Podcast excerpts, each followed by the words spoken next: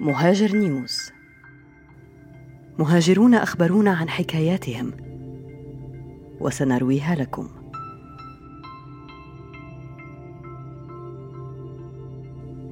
قصة بعنوان مهاجر من غينيا بقي في البحر خمسة أيام. نقلتها شارلوت أوبرتي.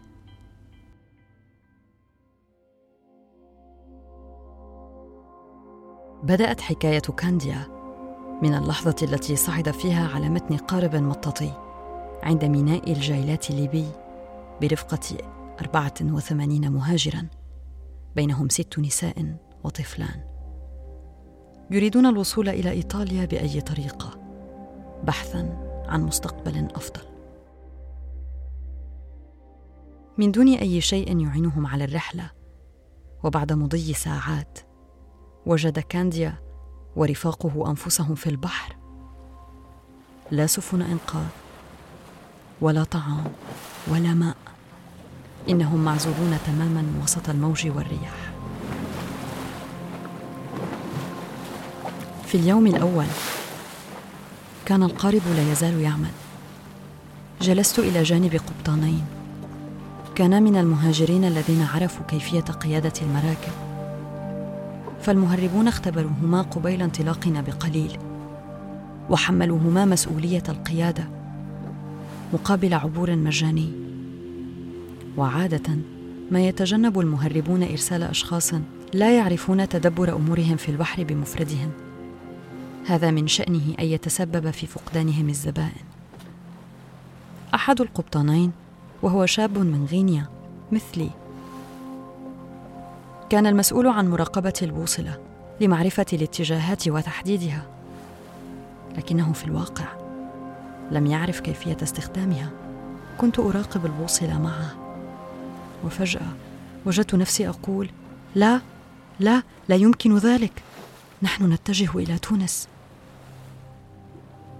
نجحنا أخيرا في تغيير مسار القارب لكن في صباح اليوم التالي نفذ وقود القارب.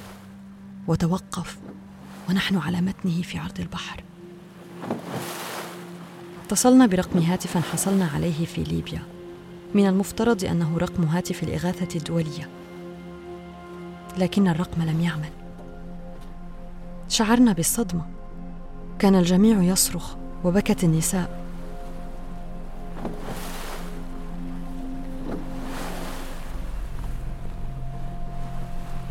اعتقدنا أننا سنموت. لم نعتقد أن لدينا أي خيار. اتصلنا بخفر السواحل الليبي وطلبنا منهم القدوم لمساعدتنا لكنهم قالوا إنهم لن يأتوا. فصلنا المحرك وألقيناه بعيدا لجعل القارب اخف وزنا. هبت عاصفة شديدة ففكرنا في توظيفها لتحريك القارب إلى الأمام. لكنه لم يكن في وضع يسمح بتحريكه على نحو صائب. قال مهاجر بيننا إنه يستطيع السباحة. لذا سيقفز في الماء ويساعد على توجيه القارب. قفز. وحاول أن يوجه القارب. إلا أن الأمواج العنيفة دفعته بعيدا من القارب. صرخ صديقنا. وعند كل صرخة كان الموج يقذفه إلى بعيد. تلاشى الصراخ. ورحل بين الأمواج حتى غاب كنا لا نزال في البحر ولا نعرف ما العمل. استطعنا رؤيته من بعيد أحيانا لكن لم يكن بإمكاننا التصرف.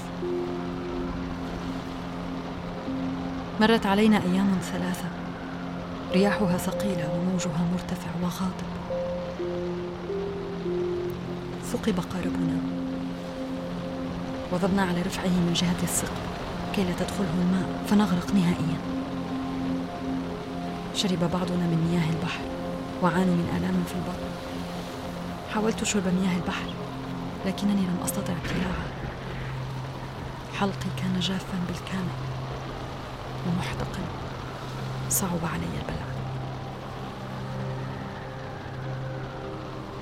في قارب كهذا لا تسمع سوى من يتكلم بجوارك.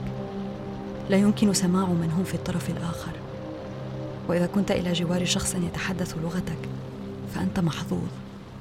وأما أنا فكنت لا أزال مجاورا مسؤول البوصلة. وكنت محظوظا بالفعل لأنه من غينيا. خلال الأيام الثلاثة الأولى لم أذق طعم النوم. وفي اليوم الرابع بدأنا نفكر. إذا لم يأتي أحد لمساعدتنا الآن سنموت جميعا. حينها أخرج مهاجر سوداني هاتفه الذي حماه من ماء البحر. لم يعمل الهاتف ولكننا استفدنا من وضعه كهذا. أزلنا الجزء المعدني الخارجي منه وجردنا سلك الشاحن المرافق ووضعنا الأسلاك الموجبة والأسلاك السالبة على بطاريته وتمكنا من شحنه قليلا. ريثما نقوم باتصال هو الأخير. كان أحد الركاب احتفظ برقم قارب إنقاذ. اتصلنا به. سمعنا شخصا يرد علينا في الطرف الآخر. يا لها من معجزة. سألنا عن موقعنا ولكن لم نكن نعرف أين نحن. قال إنهم سيرسلون طائرة مروحية للبحث عنا. وفي تلك الليلة فقط. غلبني النعاس. فنمت. في اليوم التالي جاءت ناقلة نفط إيطالية كبيرة باتجاهنا. أنقذتنا ونقلتنا إلى صقلية. فصلونا في مجموعات صغيرة. عالجوا ملفي الخاص ونقلت إلى فرنسا. صديقي صاحب البوصلة يعيش في باريس. لم ألتقي به منذ ذلك الحين. لكننا نتواصل من خلال الرسائل النصية. نقول لأنفسنا